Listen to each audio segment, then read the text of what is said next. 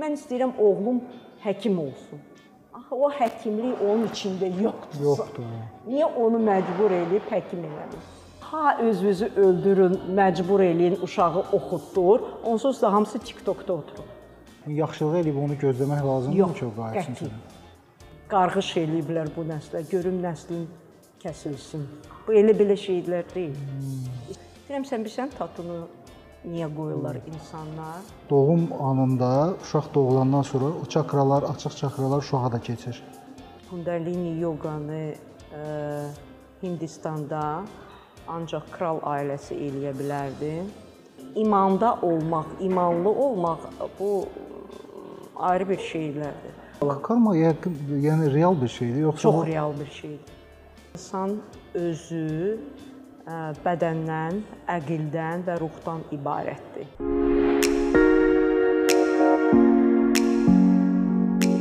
Doktor İradə İmanova 1968-ci ildə Bakı şəhərində anadan olmuşdur. Azərbaycan Tibb Universitetinin bitirdikdən sonra 1994-cü ildən 2013-cü ilə qədər hərbi hospitallarda yüksək vəzifələrdə çalışmışdır. Doktor İmanova peşəkar təlimçi, dietoloq, psixoloq kimi ölkənin aparıcı klinikalarında çalışır. Həmçinin ali dərəcəli həkim terapevtdir. Qidalanma və Sağlamlıq İctimai Birliyinin sədr müavinidir. Azərbaycanın ən sayılıb seçilən psixoloqlarından biridir.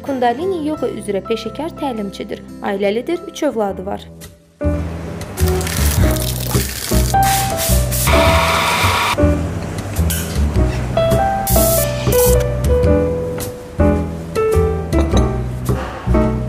Texnologiya tərəfdaşı IT Pro Azərbaycan şirkətinin sponsorluğu ilə verilişimiz davam edir. Dəyərli izləyicilər, salam. Sizi Bizneskar kanalımıza salamlayırıq. Bizneskarın bugünkü qonağı bizim sevimli qonağımız, belə deyək, doktor İradə İmamovadır.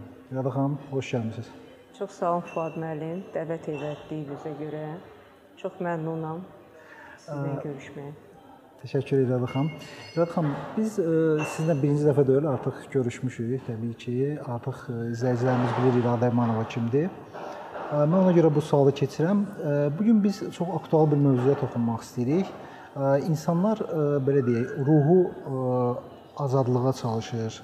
Çalışır ki, ruhu azad olsun və e, ruhun nə qədər azad olmağı təbii ki, onun nəinki ruhu aləmdə, həm də ki, e, sağlamlığına birbaşa təsir edir. E, Və bunu yollarından biri kimi yoga göstərilir. Ümumiyyətlə mən sizdən soruşmaq istərdim ki, yoga nədir? Nə anlam verir? Harda yaranıb və necə əmələ gəlir? Niyə məhz yoga? Ə, Niyə məhz yoga? Ə, Yoga yaranıb Hindistanda və neçə əsrlər boyu yoga ilə məşğul olanlar var, yəni ki, amma müxtəlif yoqalar var. Hatha yoga, Kundalini yoga, onlar fərqli-fərqli yoqalardır. Hmm, Məsələn, mən özüm m, sırf Kundalini yoga ilə məşğul oluram. Kundalini yoqanı ə, Hindistanda ancaq kral ailəsi eləyə bilərdi və o kimsə o, o ailənin üzvü olmadan bizdən gizli şəkildə eləyirdisə, bu yoga ilə məşğul olurdusa, onun başı kəsilirdi. Niyə? Yəni belə Ona görə ki, sırf bu yoga ilə ə, siz çox şeyə nail ola bilirsiniz. Çox şeyə. Məhz Kundalini yoga. Məhz Kundalini yoga. Onu o vaxtı Yoga Bhajan ə, belə deyək də oğurlayıb göndə ə, açıqlamasını eləmişdi Amerikada. Amerikadan sonra bütün dünya onu bilmişdi və o vaxtı yəni ki, çox zid vəziyyət yaranmışdı o ailə ilə bu Yoga Bhajan ilə. O o vaxtı dedi ki, mən mən Amerikaya gəldim və burada insanlar bərbad vəziyyətdə idi. Hamısı ə, yəni ki, narkotik maddələrdən, yəni ki, çox ə, lazımsız şeylər baş verirdi. Və mən, fikirləşdim ki, bu açıqlamanı eləməliyəm ki, insanları xilas edə bilim. Rəda xanım, bəs Kundalini yoga ümumiyyətlə özü özünə nədir ki? Yəni okey, yoqanı biz bilirik, amma bunun fərqi nə? Bu Yəni ki, fərqi odur ki, o siz ruh azadlığı deyirsiniz də. İnsan özü bədəndən, əqildən və ruhdan ibarətdir. Və burada bu üç hissənin insan şəkildə birləşməyi çox vacibdir. Niyə? Ona görə ki, məsələn, sizin ruhunuz, məsələn, istəyir su içmək. Bax, stəkan suda da durub. Amma əqlimiz deyir ki, nəyə lazımdır o sudan içməyə? Birdən o su çikili sudur. Birdən sən o suyu içib zəhərlənərsən. Bədən isə deyir ki, əşi oturuq oturmuşduq da sakit. Yəni ki, nə var ey əlimi uzadım, o stəkanı götürüm. Başa düşürsüz? Burada başlayır əqllə ruhun və bədənin mübarizəsi. Konflikt yaranır. Konflikt, konflikt insanın içində, heç yanda yox. Heç kim müdaxilə olmayıb bura. Ancaq özünüz. Bu indi bizi Məsələn, parçalayır da elə çıxır ki. parçalayır hər bir adamı. Məsələn, siz hansısa işin dalınca getməlisiniz. Ruh istəyir orada hansısa vəzifəni tutmağa və siz conversation-a getməlisiniz də, eləmi? Amma əql deyir, nə var ey gedirsən? Onsuz da səni işə götürməyəcəklər. İndi burada elə çıxır ki, hansı Və bizə daha bədən çox də şey. bədən də deyir ki, "Əş uzanmışam da sonra gedərəm. Birinci gün gedərəm." Başa düşdünüz? Yəni ki, hər bir insan bu hadisəni e, mən məsələn stəkan dedim, məsələn iş dedim, işlə. Başqa bir şey Amma hər bir şeydə belə bir konflikt insanın daxilinin içində yaranır. Bu Kundalini yoga ilə siz başlayanda məşğul olmağa, əql, bədən və ruh eyni istiqamətdə deyil, gedirlər. Yəni məsələn iş dalınca gedir və əql deyir ki, birdən səni götürməyəcəklər işə. Götürməsinlər. Azdan ki mən çalışdım bunu eləyəm. Ən azından yoxladım da. Axı mən bədənimi qaldırıb getdim. Mən qorxmadım yox eşitməyə. İkinci dəfə çalışaram. Üçüncü dəfə baxım görüm nəyi bilmirəm ki, keçə bilmirəm. Yəni siz başlayırsınız hərəkət eləməyə. Ay divanda oturum, uzanım, kimsə eləyər, haçansa, tanış tapım, tapşırılım. Elə söhbət getmir. Siz hərəkət eləyirsiniz. Rəda xanım, bunlar üçü deyirək vəhdət təşkil eləyir də. Bəli. Amma bunların içində əsas biri var, hansı ki, o birilər ona qulaq asmır da, belə başa düşürəm. Burada üçü də üçü də bir olmalıdır. Bir olmazsa siz heç nəyə nail olmazsınız. Mən də həmişə deyirəm ki, ruhumu yedizdirin. Heç vaxt özünüzə yox deməyin. Məsələn, məsələn indi cavanlarda iPhone 13 istəyir, məsələn. Aha. Və deyir hardan ey məndə o pul? Amma o demək deyil ki, sən öz ruhunu, yəni burada əsas lazımdır ki, nəyi siz istəyirsiniz material olaraq. Onu haram yox, halal yolla çatdırasınız. Və insanda məsələn paxıllıq, hər bir insanda paxıllıq var. O heç kim deyə bilməz ki, mən paxıl Təbii, deyirəm. təbii. Hə. Yəni məsələn mən Fuada paxıllıq edirəm, düzdürmü? Mən birinci mən sual verməliyəm özüm özümə ki, mən niyə Fu- Fuada paxıllıq eləyirəm? Niyə? Məsələn, Fuad filan işdə məşğul olur. Fuadın maaşı bu qədərdir. Yəni mən öz suallar paxıllıq yaradan o insana suallarım özümü özümə cavab ə, cavablandırıram. Başa düşdünüz və sən uje başlayırsan işləməyə, hətta bu yoqanı elədikcə məqsədlə özünə qoyursan ki, mən bəlkə Fuaddan da yüksək pozisiyada oturmaq istəyirəm. Mən orada oturmaq istəyirəm. Və burada özün özünə qadağa qoymursan. A məni kim ora salacaq və mən ora necə nail olacağam? Sən başlayırsan öz üzərində çalışmağa. Bunu əldə etməliyəm, bunu əldə məqsəd və gedirsən. Çalışırsan və artıq o paxıllıq te temanı çözürsən.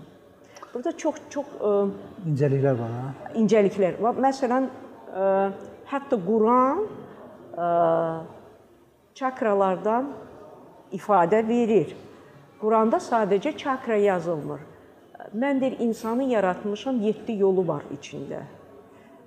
Allahda Quranda yazılıb mən yeri göyü yaradan mənəm, 7 qat yuxarıda, 7 qat yerdə. 7 qat da insanın içindədir. Biz kainatla birləşirik hər şeyi qəbul eləyəndə. Məsələn, insanın birinci qatı, birinci çakra bizim qorxularımızdır. Rəda xanım, bir də Bəli. başlamamışdan qabaq çakra izləyicilərimiz üçün. bəli. Çakra ümumiyyətlə nədir? Sütun. Sütunda ə, mərkəzlər var. Yəni bizim onurğamızdadır deyək. Onurğamızda. O nə kimi sizə göstərim ki, muncuq məsələn. Aha. Bax məsələn muncuq. Bax 1 2 3 4 5 6 7. Bax 7 dənə çakradır, düzdür? Bu muncuqlar bu mərkəzdə, onurğada, 5-i onurğada, ikisi isə bizim başımızda yerləşir. 6-cı və 7-ci çakra. 7-ci çakra bilirsiniz nədir? Bizim əmgəyimiz. Birinci bir yaşdan sonra o bağlanır.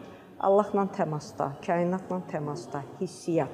Yəni 1 yaşına qədər biz danışırıq. Ə, elə Bir çıxır. yaşına kimi siz ə, vəbşi yerə məxsus bir insan deyilsiniz hələ. Deyilik. Hələ kainata məxsusdunuz. Çox maraqlıdır. Hə.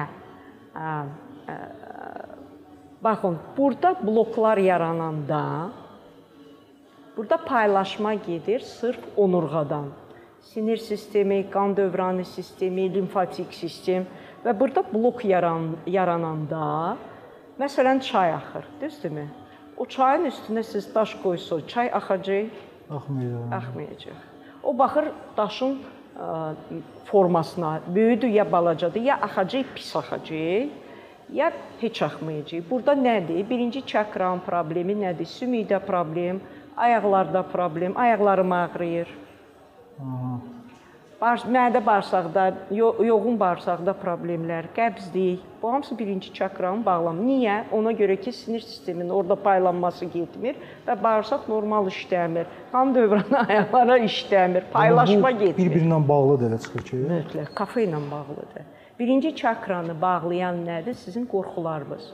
İnsan birinci özü-özünə sual verməlidir. Mən nədən qorxuram? Aha. Maraqlıdır. Məsələn, bir dəfə mənim yanıma bir qız uşağı yaxınlaşdı. Mən fikirləşirəm ki, amma qız özü çox gözəldir. Mən fikirləşirəm ki, mən çox mükəmməl və gözəl deyiləm. Məsələn, mən qorxuram ki, mən mükəmməl ağıllı deyiləm. Döndüm dedim, heç olmaz. Nə olsun ki, lap ağıllı da deyilsən, lap gözəllər kraliçası deyilsən. Hə də düz deyirsiniz də İradə xanım, olmayım da. Yəni bu ə, ikinci çakra biz ə, çox vaxtı yaşayırıq ki, görəsən məndən kim nə deyəcək. Özümüzü çox şeydə təqsirləndiririk. Ə, kaş belə deməyəydim. Kaş orada belə oturaydım. Kaş mənə belə deyəndə belə cavab verəydi və dialoq gedir insanın beynində. O özün özünü qınayırsan. Kaş ora gedəndə belə hərəkət eləyəydim.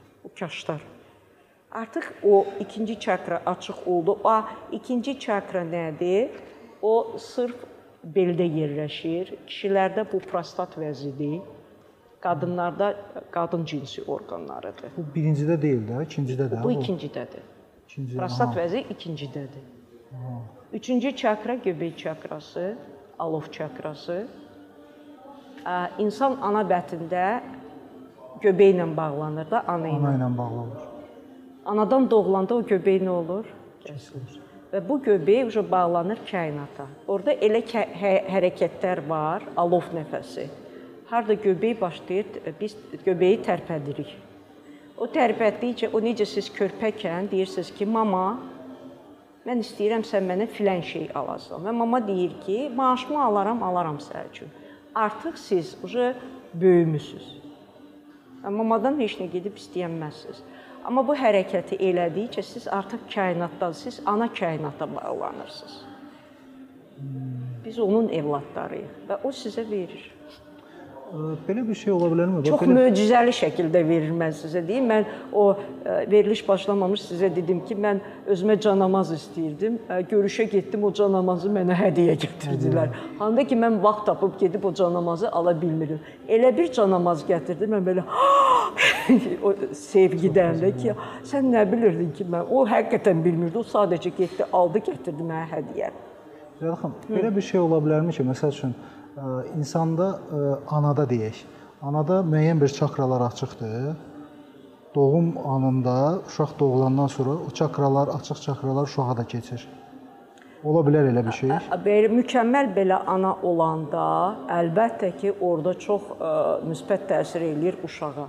Və burada ə, Yəni çox uca açıq çakralarla çakralar belə. açıq ola bilər tək ə, yoga ilə yox. O məsələn o namaz qılan insanlar hansı ki çox vaxtı namazda keçirirlər, amma ə, mən həmişə deyirəm imanda olmaq, imanlı olmaq bu ayrı bir şeylərdir.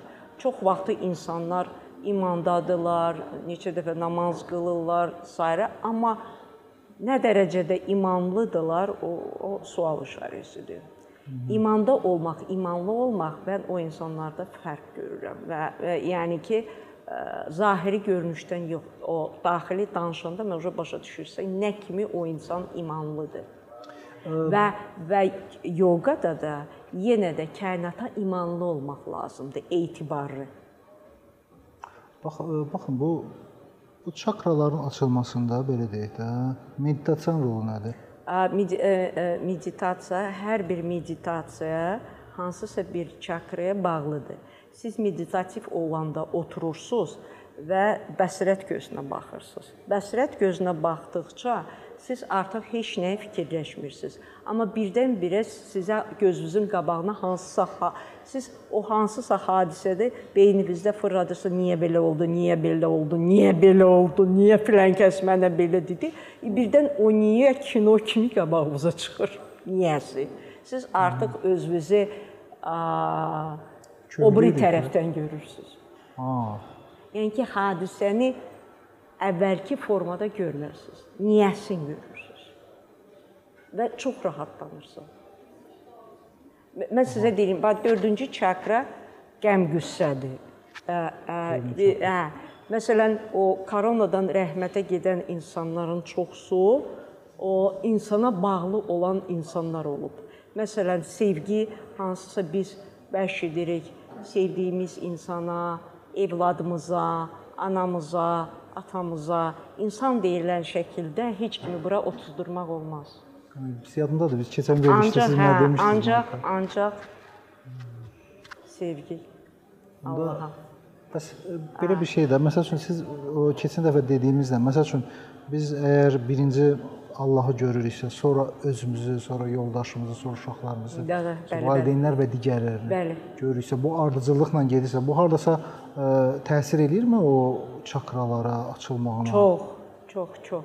Yəni sizin Yəni dünya görüşün- siz, sizin beyniniz artıq uje siz hətta deyir ki, sən bu gün yıxılmısansa, bil ki, səni yıxan mənəm. Səni bu gün ucaldıblarsa, bil ki, ucaldan da mənəm. Ona görə də o burada eqonu yedizdirmək qətiyyən olmaz. Sən hər dəfə bilməlisən ki, bunu sənə o çox vaxtı insanlar mən mən deyən sonra yanırlar. İradə xanım, bəs ə, Kundalini yoqanı məsəl üçün ə, müstəqil şəkildə eləmək olar, yoxsa bunu ə, sırf e, belə deyim də, bir müəllim olmalıdan ki, səni başa salmalıdır. İnstruktor mütləq olmalıdır. Ona görə ki, başlanğıcda da mən sizə. Ə, mən sizə deyim də, məsələn, mən kimə məsləhət görürəm ki, məşğul olsunlar, amma mütləq onları deyirəm ki, məni ilə əlaqə saxla. Mütləq şəkildə. Ona görə ki, hadisələr birdən-birə dəyişməyə başlayır həyatda. Deyirəm, nağıl yaşamaq istəyirsən? Deyir, hə. Deyirəm, kundalini ilə məşğul ol. Özdə mən dediyim kimi. Ona görə ki, mən Allahın köməyi ilə aprel ayında 2021-ci ildə həkim ola olduğuma görə başladım çakraları birləşdirməyə.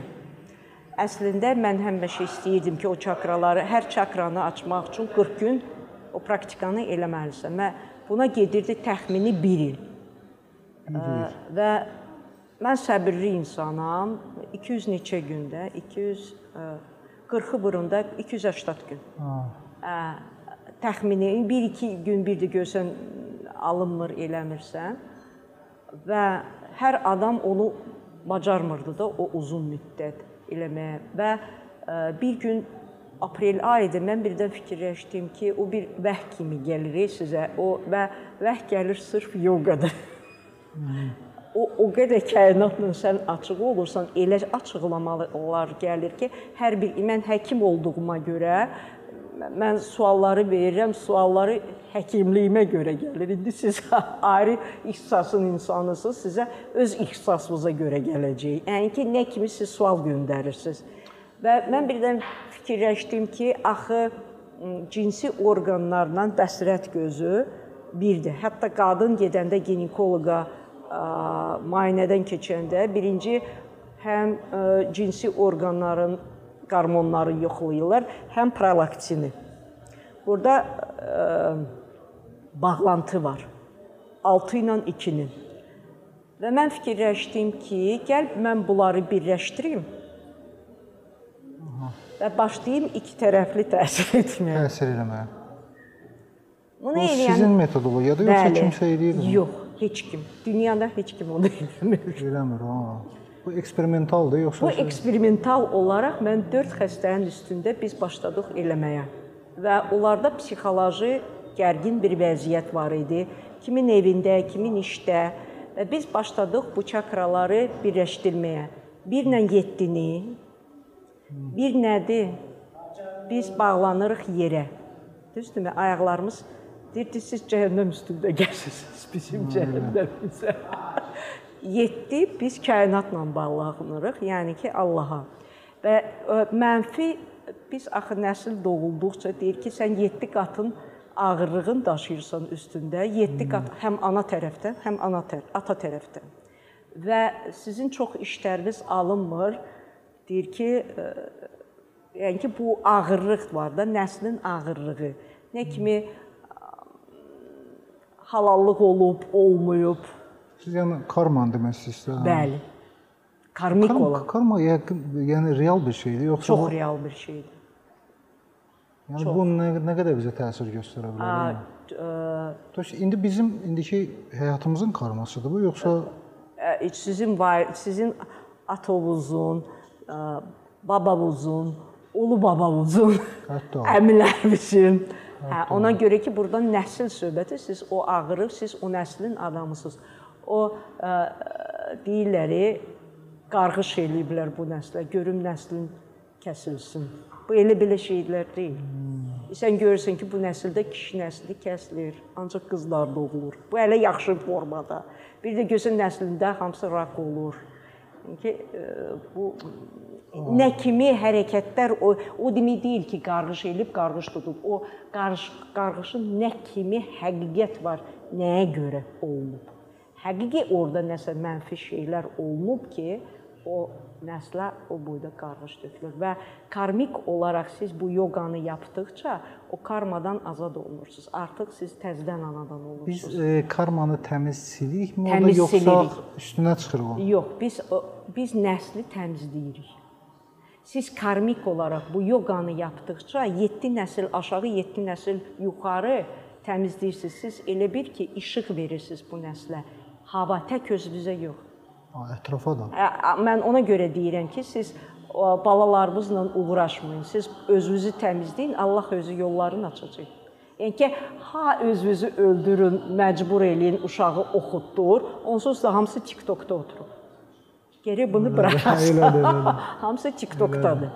Hə, və siz izləməklə, a bu gör nəyə baxır. Biabırçı, biabırçı şeylə. Ondan yox, belə eləmirlər. Etibar buraxırsınız və o öz işini özü görür. Leyla xanım, bəs belə bir şey deyə, bax məsəl üçün insan əgər həqiqətən çakralar açıqdırsa, insan və qarşıdakı adam ona öz karmasını göndərirsə, yəni Müsbət bu ya mənfi? No deyək ki, mənfi də, müsbət, Hə, yəni hə, çox mənfi. müsbət hamı qəbul eləməyə razıdır. Okay, hə.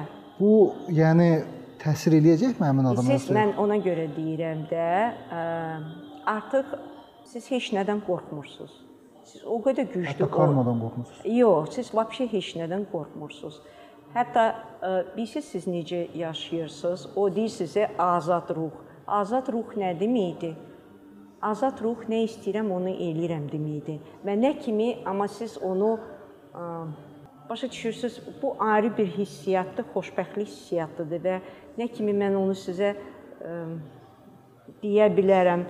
Məsələn, siz o çox vaxt deyirlər ki, qeybət sahibi olmayın, günaha batırsınız. Siz ucu təmizlənəndən sonra siz heç qeybəti eşidə də bilmirsiniz. Sizə pis olur. Siz onu özünüzü qorumaq üçün yox, siz onu eşidə bilmirsiniz. Siz durub gedirsiniz. Yaxud məcbursunuz ki, qulaq asasınız, amma artıq eşitmirsiniz. Siz daha heç kimi qınamırsınız. Deyir ki, hə, Allahın işidir də elədir. Allah özü ki, o da kömək olsun. Məsələn, deyirlər ki, hə filan kəs oğrudur, yaxud filan kəs o işin sahibidir. Hə, Allah özü ona kömək olsun. Yəni o qədər o dinlə yox. Buraxırsan.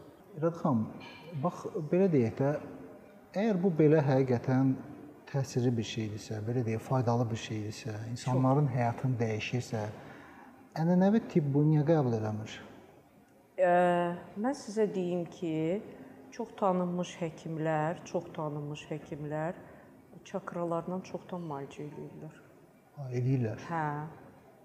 Yəni ki, osteopatlar, onlar hətta indi bir metod gətiriblər. Onlar o düyünü tapırlar, cəmi bir dənə iynəni salıb o çakralar açılır. Yəni onu çox çoxdan uje tədbir eləyirlər və bunu yəni siz danışırsınız kütləvi həkimlərdən o stereotip olaraq Amma bu qeyri-adi bir metoddur və o bu o qədər ucuz metod deyil və hər adam onu eləyə bilməz. Ha, elə Hə, və hətta mən sizə deyim ki, biz ə, bunu tədbir eləyəndən sonra ə, məsələn mənim yanıma bizim ailəvi dostumuz var. 28 ildir biz biz heç necə ailə dostuyuq, evin içiyik də, yəni ki, bir-birimizlə də. Hı, Qısaca şəmkirlidir qız. Hə, hə, hə. yaxşı. Xanım çox ağır vəziyyətdə idi. Artıq ə, gələndə o beyində olan fikirlərə görə heç göz açılmırdı. Bax, insanın qapağı bax bu formada olur da. O beynin fikri o qədər onu sıxır. Ə, müxtəlif yerlərdə problemlər var idi xəstəliklə ibarət. Və bir gün axşam vaxtı zəng eləyirlər ki, biz sizə qonaq gəlirik. Və xanım gələndə dedi ki, mən o yoqanı eləyəcəm iradə. Dedim, sən Allah Nina da Hə, yazmır. şey eləməyəcəyik. Yo, yo, göndər. O 2-2 eləyəcəm. Hətta. Deyirəm sən bir dəfə eləmirdin. Dedi eləyəcəm iradə. Və artıq onlar bir aydan sonra bizə gələndən sonra mən xanımı tanımadım. Deyirəm sən dəyişimsən. İradə eləyirəm. Deyirəm ola bilməz. Hə.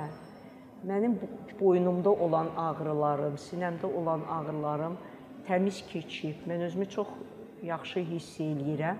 Mən davamlı eləyəcəm.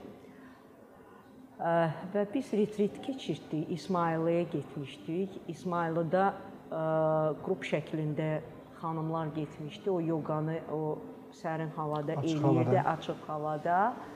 Ə, Və orada energetik olaraq təmiz yerdir. Orada yoqa da ayrı cürə keçir. Ə, Və mən o xanımı dəvət elədim ki, bir var mən tərifləyirəm. Neçə ildir bu işin içindəyəm. Amma sən birinci kərəm eləmisən. Mən istəyərdim ki, sən bölüşəsən ki, nə kimi bu sənin sənə təsir eləyib və nə kimi sənin həyatını dəyişib. İnandırım sizi Fuad müəllim, mən onu 28 ildir tanıyıram da. Əstəğfurullah. 1996-cı ildən mən o xanımı tanıyıram. O elə şeylər danışırdı. Mənim öz ağzım açıq qaldı. Ya mən demirəm ki, o məndən gizlədirdi. O mənə heç heç vaxtı insan gizlətmir. Yəni çox açıq ə, münasibətimiz var. Sadəcə beyin heç başa düşmür ki, ki filan hadisə səni sıxır. Sən onu qəbul edirsən, deyirsən normaldır, amma bədən sıxılır, sən pis olursan. Elə şeylər başladı açıqlamağa verməyə ki, bilir mən indi həyatımı yaşayıram, mən yaşamamışam. Mən zombi şəklində həyatımı yaşamışam. Mənim öz həyatım heç vaxtı olmayıb. Mən ancaq ailəm üçün olmuşam, amma öz mənliyim qalmışdı qıraqda. Artıq mən deyir ki, nə kimi sən bu yoqanı eləyirdin? Heç mən özüm də belə eləmişdim. Mən dururdum sübh namazına. Sübh namazında yatmırdım, girdi, elirdi bir 7-ci çakranı. Sonra deyir ki, əsr namazından sonra elirdi birinci çakranı. Hətta səhər-səhər ikisini. Hə, yox, birini elirdi sübh namazında, Hə, birini axşam. birində uca axşamüstü. Hmm. Deyir ki, heç kim day mənə müdaxilə olmurdu. Mən rahat fikrimi deyirəm. Ə, Çox vaxtı 5-ci çakra qadınlarda bağlı olur. Niyə? Ona görə ki, kişilər e- energetik olaraq üstün olurlar qadınlara qarşı və hansısa bir söhbəti qadın evdə eləyəndə kişi o saat reaksiya necə eləyir? Qışqırır. Və qadın o Sözün deyə bilmir. hə? Ə, Hə, yəni ki, məsələn də mən bunu istəyirəm. A, yenə başladın. Mən elə, elə bu adi bir hadisədir də. Və qadın o istəyir axı işi keçsin. Qadın başlayır o, yaxşı mənada tülkülük eləməyə, hardasa yalan danışmağa ki, mən məcburam, neyniyim, qışqırır. Və o yalan danışdıqca, yaxud uşaq gəlir ki, mama mən filan yerə getməyi istəyirəm. Hə, papa qışqıracaq, qoymayacaq, papanı yola verdi. Qadın başlayır, mən yenə deyirəm də, qadının xüsusiyyəti ki, evdə sakitçilik olsun. Yəni ki, müxtəlif yollarla o Stabilliyi saxlayır, bilmir. hə, stabilliyi saxlamaq üçün məcbur olur yalan danışmağa. Hə, nə şiş yansın, nə kabab. Və burada 5-ci çakra bağlanır. Aha. Burada Yəni qalxan- yalan danışdığına görə yoxsa yalan danışdığına deyə bilmədiyinə görə. Ya həm sözünü deyə bilmədiyinə görə, həm yalan danışdığına görə, həm çox şeyləri utduğuna görə ki, dava Və bu bağlanırsa nə olur bizdə? Dava 5-ci çakra bağlanır, qalxanvari vəzdə problemlər yaranır, gipo ya da hipertireoz. Və sonra da ə, sinə hissəsində, yamatka hissəsində şişlər. O, o qədər O bağlıdır. qədər. İradə xanım, əslində mən sizə belə bir şey deyim. Ə, təbii ki, keçən dəfə verilişimizdə Yəni siz burada bu, bu çox böyük mövzudur. Yəni mən yenə deyirəm ki, burada mən o məsələn mənim yanıma keçən dəfə ə, həyat yoldaşı ilə ər-arvad gəlmişdilər. Bir dəfə ə, yoldaşı ə, qadın gətirdi yoldaşını ki, get İradə xanımın yanına. O da əsəbi gəlib ki, mən niyə mən niyə gəlim də? Hə? niyə bura gəlmişəm? O o da deyir ki, İradə xanım mən dedim ki, qoy çəkisini itirsin də, Köloğlu oğlan idi. Həm də İradə xanım psixoloji onu ilə söhbət eləmək lazımdır, o qəbul eləmir də. Nəsə dedim ki, bəs gəl biz seçimi verək ona. Biz söhbət eləyərik. İstəsə qalar, İstəməsə gedər. İstəməsə, apar. yəni ki, bu mütləq insan özü istəməlidir. Yəni Heç nə- məcburiyyət deyil də, yəni. Qətiyyən. Mən elə məcburiyyət vəbşi mən xoşlamıram. Yəni ancaq hər şey Hmm. ürəkdən olmalıdır. İnsan istəməlidir. Və qəbula gələndə 15 dəqiqədən sonra yoldaşına deyirsən çıx da məvrədə. Çıx, çıx, sən çıx. Həm 2 aya 9 kilosunu atıb, 2 ay hələ tamamlanmayıb, 9 kilosu yoxdur. Və deyir mən çox rahat yaşayıram. Yoldaşı da deyir Radə xanım, bəs evdə sakitçilik, o qədər ruhu rahatlanıb. İşdə ə, təklif eləyiblər, uşu yuxarı qalxır maşallah. Yəni ki, çox yaxşı. Çox siz burada ə, sa beyin sakitləşir də. Yəni bu çakralar açıldıqca elə çıxır ki, biz həm də çəkimizi itiririk. Hə. Və Yəni, bu bəs mən anlaya bilmirəm. Nə qədər ki, əlaqəli ola bilər bir-birinə. Bey, mən yenə deyirəm də, yadınızdadır, o keçən verilişdə mən sizə dedim, insanın beynində çox fikir olduqca ə, o budaq, almanı saxlamaq Ha, bildim, üçün bildim, mən. sütun böyüyür. Və onu burada demişdiniz. günəş enerjisi, günəş enerjisi insanda olduğu zaman o enerjini harasa sərf eləməlidir. O sərf eləyir ə, hərəkətə yox, yeməyə. O deyir mən bunu bacarmaram, qoy yeyim Ya sakitləşim. aclıq hissi də ondan əmələ gəlir. Ona Bəli. görə əmələ gəlir. Hə, Bəli. Və burada sən deyir ki, deyirəm niyə yeyirsən? Deyir ki, özüm də bilmirəm niyə yeyirəm. Bu insanda iki cürə olur. Ya ə, sırf çox arıq olur, bu energetik olaraq ayrı cürə paylanır. Ya kök olur.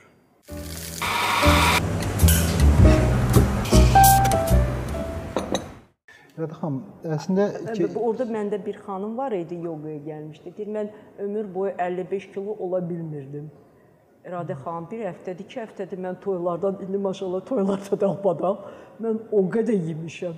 Qalxdım ki 2-3 kilo artmalı. Mən yenə 55-im. Bu nə kimi işləyir? Deyirəm beynin sakitləşir. Beyin başqa cürə işləyir. Beyin başqa cürə. Və burada uje yediyin qidanın parçalanması normal gedir. Metabolizm öz-özünə düzəlir. Düzəlir. Hepsi o ondan deyil neçə miqdar siz yemisiniz. Yox, e, bəs e, müəyyən bir e, yaşlaşdıqca nəinki metabolizm, həm də başqa proseslər zəifləməyə doğru gedir. Bəli. Deməli, hər 12 fəsildən bir, 12, 24, 36, Aha. 48 60 və onların arasında 6 il fərq. Məsələn, 12 ilə 24 ya 12 24 12 ilə 24-ün arasında 18 yaş. Yadınıza salın da necə kimi siz hmm. dəyişiklik sizdə olub həyatda. Burada nədir? Hormonal dəyişiklik həm qız uşağında, həm oğlan uşağında olur və o nə kimi özünü idarə etməyi bacarır.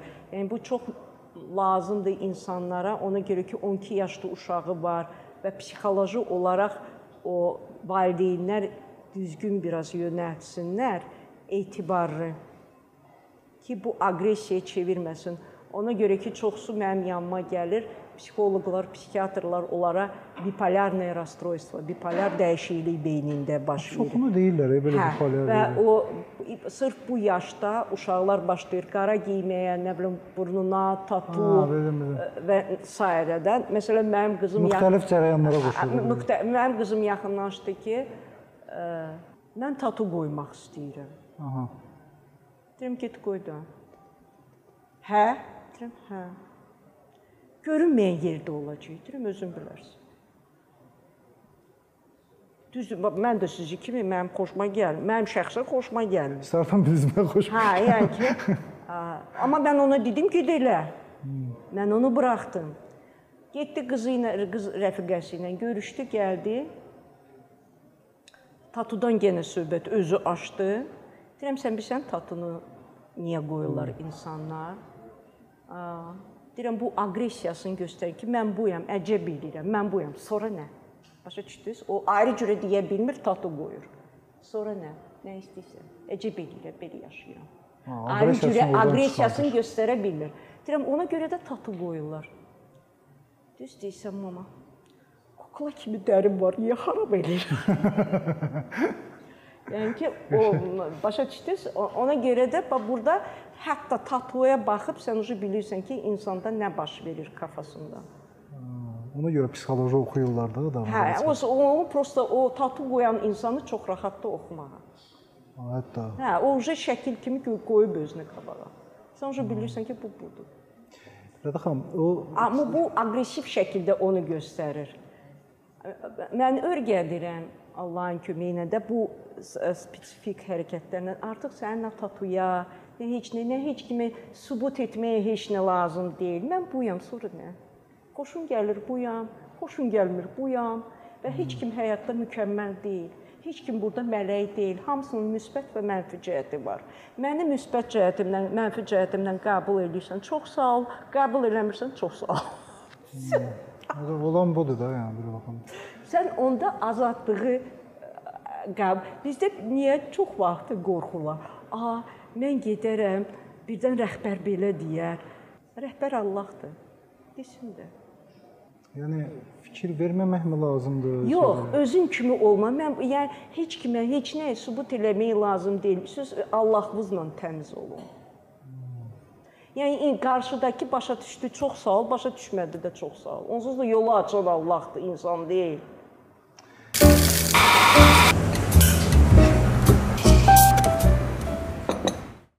İradə xanım, bir də başqa bir sualımız. Mən e, keçən dəfə verilişimizdə yadınızdasə e, siz bu kundalini yoga haqqında dediniz. Sonra mən sizdən siz mənə baş saldınız necə eləmək olar. Mən başladım bunu eləməyə.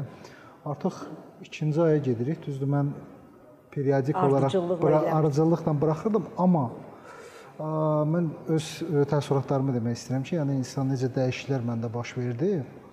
Ə, sanki olaraq birinci dəfədən hətta başlayaraq da o qədər dəyişikliklər məndə başladı baş verməyə. Özümü o qədər yaxşı hiss etməyə başladım. Mən yəni ə, e, heç vaxt özümü elə yaxşı hiss etməmişdim. Ha, yəni sifətən mən başa düşmədim. Hətta evdə yoldaşımla danışıram. Deyirəm, "Aytan bu dəyişir də, mənə dəyişir." Mən başqa cür başlayıram şey eləməyə, düşünməyə. Beynimdən şey atıram. Amma yenə də içimizdə bəzi şeylər var ki, hələ də onlardan qurtula bilmirəm. Qaytarır. Qaytarır hə, məni qaytarır. Ona görə ki, insanda 2 cürə, 3 cürə əql var. Pozitiv, negativ bir də neytral. Pozitiv sizi ruhlandırır. Çox vaxt beyində neqativ əql hara gedirsən, onsuz da sənə yox deyəcək. Və o yox eşitməmək üçün sən o qapını açmırsan. Hə nəyə lazımdır? Onsuz da səndə alınmayacaq. Sən özün özünü öldürürsən və heç kim yox. Sən özün özünü ağlından yolunu kəsirsən. Amma artıq sən o bismillah eləyib gedirsən, o qa- qapı açıldı, çox ol, açılmadı da çox ol, sonra gələrəm. Vaxtı deyil. Qoy biraz da işləyim. Deməli hələ zaman deyil. Və bilirsiniz burada nə baş verir? İnsanın içində iki cürə enerji var. Günəş enerjisi və ay enerjisi. Günəş enerjisi? Hə, günəş enerjisi siz həmişə deyir ki, hə bu gün alınmır, sabah olacaq. O sabahı gözləyirsiniz. Bu gün alınmır, çalışırsınız, ça- çalışırsınız. çal- Hə, eyb yoxdur, gələn il olar, gələn il olar, gələn il olar. Yəni səbirlə gözləyirsən. Məsələn, elə ya elə şey. səbirlə, ya səbirsiz, amma aqressiv. İndi hər dəfə ayrı cürə. Amma ə, günəş enerjisi, ə, Ay enerjisi. ay enerjisi oldu, olduğu zaman insanlar çox vaxtı yatır ki, keçmişlə uğraşır. Görəsən onda niyə belə oldu? Kaş belə eləməzdim, belə hə? eləyərdim. Kaş belə eləməzdim. Ata elədin də uje. Amma yəni sən enerji və lazımsız şeyə itirirsən. Beynin lazımsız şeylərlə doludur. Ya da xanım, o necə bilmək olar ki, günəşdir yoxsa aydır məsəl üçün? A, sizdə günəşdir, yəni ki, burada uje hiss olunur da. Yəni necə bildiniz ya? Görsənirlərsə? energetik olaraq. Ha, energetik olaraq. Yəni ki, günəş enerjisi olan insanlar mənni var, atı yoxdur. Ay enerjisi olan insanların atı var, mənni yoxdur. Ay enerjisinə məruz çox vaxtı ə, ə, aktri aktyorlar, aktrisalar, baxıcılar, şamanlar, onlar o ay enerjisinə ə, ə, takılırlar. Amma o var suş, ə, su- suşumla da o həm ay enerjisi, həm ə, günəş enerjisi toparlanır və sizin həm mənnivinizə var, həm atınız. Siz artıq o yolu məsələn biri var 5 ilə gedirsən, biri var 5 aya. Məqsədə tez çatırsan. Day sən takılmırsan, nə keçmişsən, nə gələcəyi sən hərəkət eləyirsən. Sən yaşayırsan. İndiki gündən həll eləyirsən. Yəni O keçmişi 2 vur 2 kimi 4-dür. Vəsə. elə O qədər həll eləyirsən, dəqiq. Buna sizə nə lazım olur? Cəmi 2-3 gün. Day sən illərlə beynində daşımırsan bunu. yəni belə başa düşdümsə, məsəl üçün müəyyən bir məqsədimiz var. Məqsədimizə çatmaq üçün biz yəni fikirləşmirik də keçmişdə mən nəsə səhv eləmişəm. Yəni Bircə niyyətin təmiz olsun. Niyyəti təmiz Mütləq. yanaşırıq. Ona görə də o çox vaxtı çəkiliş eləmək istəyirdilər klinikada təzəlicə çəkiliş oldu və mən deyirəm mən istəmirəm bu reklam şəklinə keçsin. Dedilər niyə qoy bilsinlər. Deyirəm siz başa düşmürsünüz. Mənə lazımdır ki, qrupda niyyəti təmiz adamlar olsun və mən ancaq niyyəti təmiz adamları yığıram. Mənim yanıma onkoloji bir xəstə gəlib və əməliyyat olandan sonra İstanbulda həkim birinci dedi ki, mütləq get yoga ilə məşğul ol. Və o yaxınlaşdı ki, İradə xanım, mən sizdən əvvəl 2 dənə yerə getdim və mən o enerjini orada ala bilmədim sizin qrupda aldığı kimi. Deyirəm ona görə ki, mən hər adamı qrupa çağırmıram. Mən ancaq niyyəti təmiz adamları çağırıram. Bəs bilirəm biz belə Mən bir şey deyim. mə, mə- əsas mənim məqsədim insan xoşbəxtliyidir. Amma təmiz niyyətlə. Rəda xanım, bəs niyyəti təmiz adam deyirsiniz də. Bax məsəl üçün biz onu necə bilməliyik ki, o adamın niyyəti təmizdir? Hətta belə deyək, iş iş adam iş adam götürəndə də, yəni biz onu bir 3 ay, 5 ay işləməsə bilmirik axı o ə, Siz necədir? 160 gün mən dediyimi eləyin, siz artıq hər şey hiss eləyəcəksiniz. Ha, hətta o O dərəcə. hər bir adam ona bacaracaq. Siz insanın hər tərəfi heç özü bilmədiyi görürsüz onda. Siz artıq bilirsiniz ki, bu bunu bacarır. Yəni hər bir insan nəyisə bacarır. oxuya bilirsən insanı belə başa başa. Siz insanı hiss eləyirsiniz. Ha, hiss edirik. Bir intuisiya gəlir də onda Hə, çıxır. bəsirət gözü açılır. Hətta məndə bir qrupda bir qız var. İradə xanım, Bu nədir? Mən baxıcıyam, nə deyim? Podruqama zəng eləmişəm ki, sən İngiltərəyə viza almalısan, e, raboçi viza işlə bağlı. Deyir, mən uje almışam, sən hardan bilirsən? Bu nədir? O bursa sən ki, avqust ayında toyun olacaq, hazırlaş. Rəda xanım, bu O deyirlər ki, qədər o, o energetik olaraq o açılır sizdə hamıda.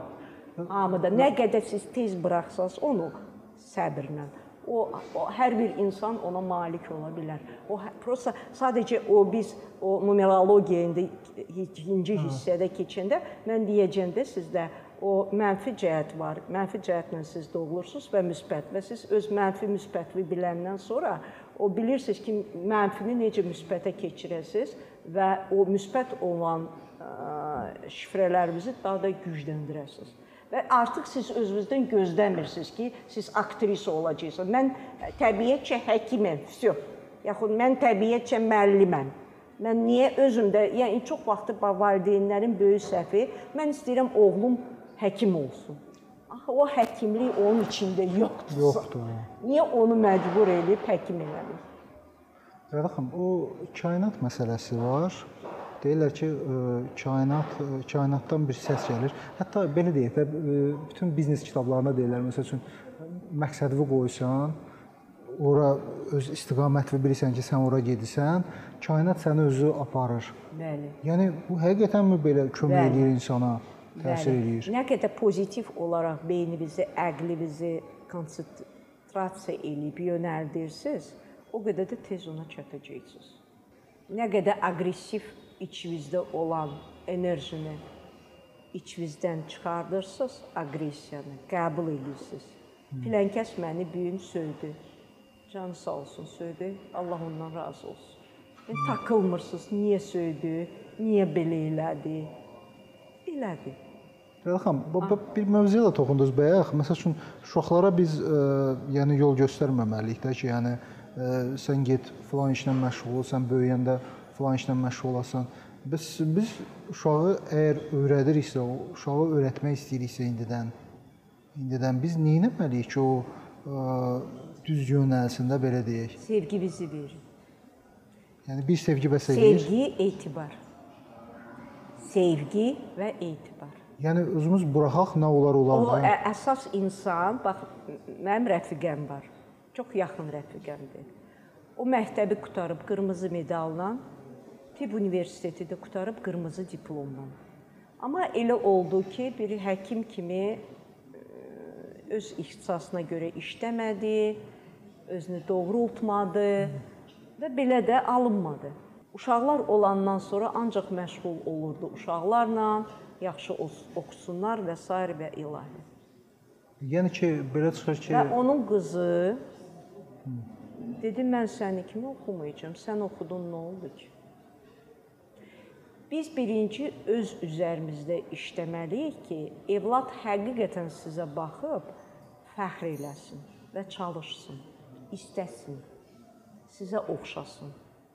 Biz insan olaraq a, mən həmişə deyirəm, çox ə, mən yaxşı ola bilərəm sizi üçün. Mən gəldim 1-2 saat sizi ilə danışdım. Siz deyəcəksiniz, "A, İradə xanımdan bir dənədir." Məsələn. Amma gedib evdə biz o oyunu oynamırıq, biz necə var eləyik. Mən həmişə deyirəm ki, birinci hörməti evinizdə bacarın qazanmağa. Hökmlə yox. Ayrıca. Artıq mən onu bacardım. Mən özümü çox xoşbəxt hiss eləyirəm ki, ona görə ki, o evdə o xoşbəxtliyi, o huzuru tapdım, başa düşürsüz? Ailəvi olaraq. Və mən istəyirəm ki, hər bir insan Allahın köməyi ilə birinci huzuru tapsın öz evində. Sevib sevilsin. Ər yoldaşı tərəfdən, yoldaş əri tərəfdən və uşaqlar o sevgini evdə görəndən sonra onlar o bilsiz o gül necə açır? Bir yaxşı, yaxşı torpaq olandan sonra biz, biz də onlara göstərməliyik. O sevgini onlar görəndən sonra münasibəti onlar da necə bitəcək gözəl. Ayrı cürə yolu da yoxdur. Yeri də yoxdur. Amma məsələn bax mən uşaqlara deyirəm ki, biz yığılıb bir yerə gedəcəyik. Dedi ki, necə? Deyirəm ki, qonaqlıq verirəm, mənim sizinlə söhbətimiz var. A- Artıq uşaqlar böyükdür. Birinin 24, birinin 21, birinin də 16 yaşı var. Hə, hə, mama gözləyirik. Deyirəm ki, mən bir-bir sizi ilə danışmayacağam. Mənim sizə deyiləsi sözüm var. Hara gedəcək, deyirəm, yeri özüm seçəcəm. Və burada mütləq mən evdə də eləyə bilərəm də, amma evdə ev obstanovkasıdır. Ancaq yeri seçirsən, insan istər-istəməz ancaq toparlanır səndə və qulaq asır və gözəlliyi verirsən. O da sonra sənə qaytarır onu iki Qaytarır. qat. Sən göstərir. Bu Rəda Yəni ki, xanım, mən onu öz ad günümdə görürəm və çox sevinirəm ki, yəni ki, elə belə sərf eləmədim də həyatımı. Mən onu alıram. Rəda xanım başqa bir məsələ var. Məsəl üçün deyirik ki, yaxşılıq eləyək, bu mənə sonra qayıdar. Yəni yaxşılıq eləyib onu gözləmək lazımdır ki, o qayıtsın. Nə qədər mən ona görə deyirəm niyyətin təmiz olsun. Və hətta yoqaya gələnlər mən onu deyirəm ki, niyyətinizi təmizləyin. Ay mən sənə salam dedim ki, sən sabah mənim işimi düzəldəcəksən, o işləmir elə. İrada xanım, ə, biz təşəkkür edirik yenə sizə. Gəldiniz, həqiqətən bizə bir ə, işıq saçdınız, bir yol açdınız. iz- İnanıram ki, izləyicilər də faydalanar. Həqiqətən bu elə belə bir texnika deyil, bu yüz illərlə bu texnika var, istifadə olunur. Həqiqətən real ortada bir bir iş var, bir əməl var. Həqiqətən hamıya yaxşı, faydalı təsir göstərir. Bir daha sizə təşəkkür edirik olun. iştirak etdiyiniz üçün. Çox sağ olun. Çox sağ olun. Ol Fadlan. Sağ olun.